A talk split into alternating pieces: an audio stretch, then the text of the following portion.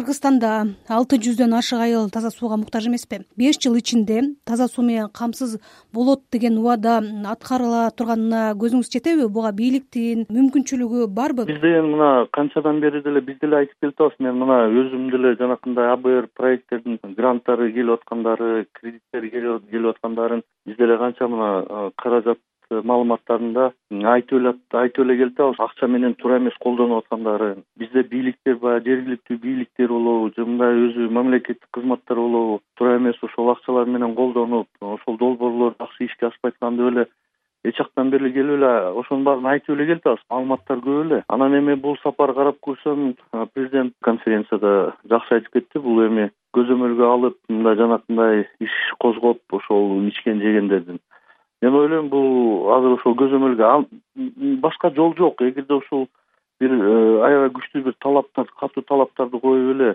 ошол баардык жанакындай долбоорлорду ишке ашырбасак мындан ары дагы эле э, кыйын боло берет абал. Анткени элестетип көргүлө мына бир миң сегиз жүздөн ашык айылдарыбыз бар. Алардын жанакындай ошол бир миң эки жүз айылдар жанакындай тиги түтүктөрү барлар алар деле эскирип баратат да. Алар эгерде буларды бир жаңыртып бир ушундай бир э, системалуу бир жумуштарды жүргүзө бербесек биягы дагы ураса анан тиги баягы мурункулар дагы талкаланса жанакындай түтүктөр анда вообще эле кыйын болуп калат да абалчы анан ошон үчүн күчтүү ушундай бир э, катуу жанакындай талаптарды коюп атканын себеби ошондон болуп атат окшойт деп атам да. Таза суу менен камсыз кылбасак оорулардын баардыгы ошол жугуштугунун баардыгы ушул суу аркылуу келип атпайбы? Буга чейин ошо донорлордон миллиарддаган доллар деген гранттар насыялар бөлүнгөн бюджеттен дагы акча каралган. Бирок ошол айыл шаарларды суу менен камсыздоо иштери жолго коюлган эмес да эмне себептен? Э, себеп ушул эле жанакындай эле коррупция. Коррупция деген аябай эле болуп аткан да мына ар кандай тиги тендерлерди өткөргөндө э, өз баягы кишилерди ошол жака киргизбей коюу ар кандай дагы бир э, жанакындай шуун схемалардын баарын киргизишип анан эски түтүктөрдү коюп схемаларын жанакындай проекттерин туура эмес чийип ошондой көп эле баягы кыйынчылыктарды алып келбеди. Ошол түтүктөр эми эң эле көп дегенде бир жыл эки жыл болуп турап чыдап туруп эле анан кийин эле чирип кетип эле же дагы бирдеме болуп кетип эле. Баягы сапаттуу болбосо эле ошол экен да. Калган тапкан тиги айырмасынын пайдасын анан чөндөккө салып коюп эле жүрүп атышпадыбы. Жалгыз эле ошол жанакы таза суу проект боюнча деле эмес. Бул башка жанакындай билим тармагында дагы проекттер ошондой башка дагы тиги жол салып аткан жана проекттер аларда да ошондой.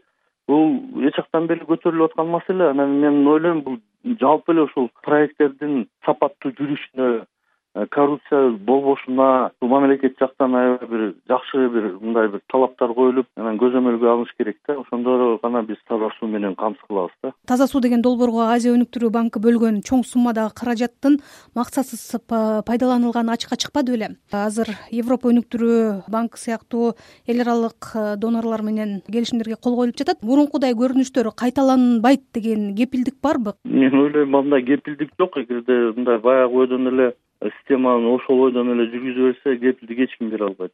Бул үчүн жанакындай бир таза айкын бир системаны киргизип э, өткөрмөйүнчө жанакындай тендерлерди таза ачык бүт баардыгын жанагы системаларды жүргүзбөсө кепилдикти эч ким бере албайт. Аны ким киргизиши керек? аны деген ошол жанакы укук коргоо органдарынын баардыгы караш керек ошол жанакы бенсиндеги э, мамлекеттик кызматтар ошолордун баардыгы азыр жанакы системаны биз деле мына мен коомдук кеңештеринде министерство экономикасында жүрөбүз да биз деген ошол жанакы тендерди өткөрө турган жаңы бир системаларды да сунуштап атабыз карагыла моундай система жакшы болот бул таза айкын жүрүш керек деп. Биздин юристтер деле карап э, айтып атышат могул жагынан коррупция болуп кетет экен бияктан коррупция болуп кетет экен десек көп эле нерселерди жанакы эске албай атышпайбы ошол менен баягы эскибөйүнчө эле жүрүп атат.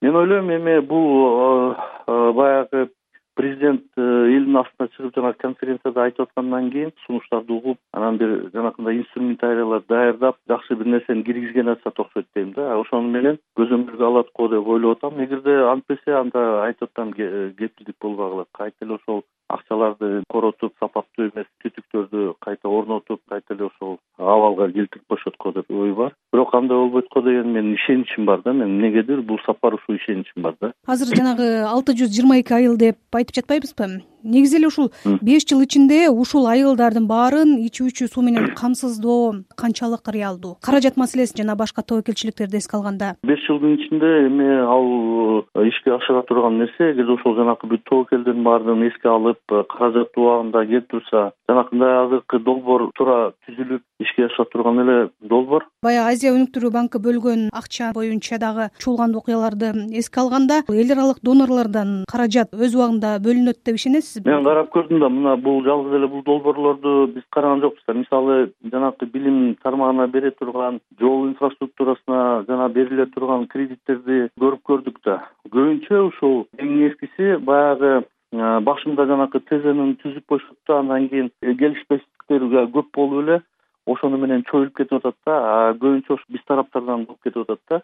Ошол донорлор бергенде алар деген бир э, талабы менен берет да. Анан биздикилер болсо ошого э, кээ бирде баягы дал келтирбей эле мындай э, эптеп эле бирдемени кылып коюп эле ошону менен анан созулуп кеткендер бар да. Ошо каржылоо убагында түшсүн убагында баягы долбоорду иштетели десек анда ошону жанакындай сапаттуу долбоорлорду баягы талапка ылайыктуу кылып туруп убагында жасап туруп анан өткөрбөсө кыйынчылыктар болушу мүмкүн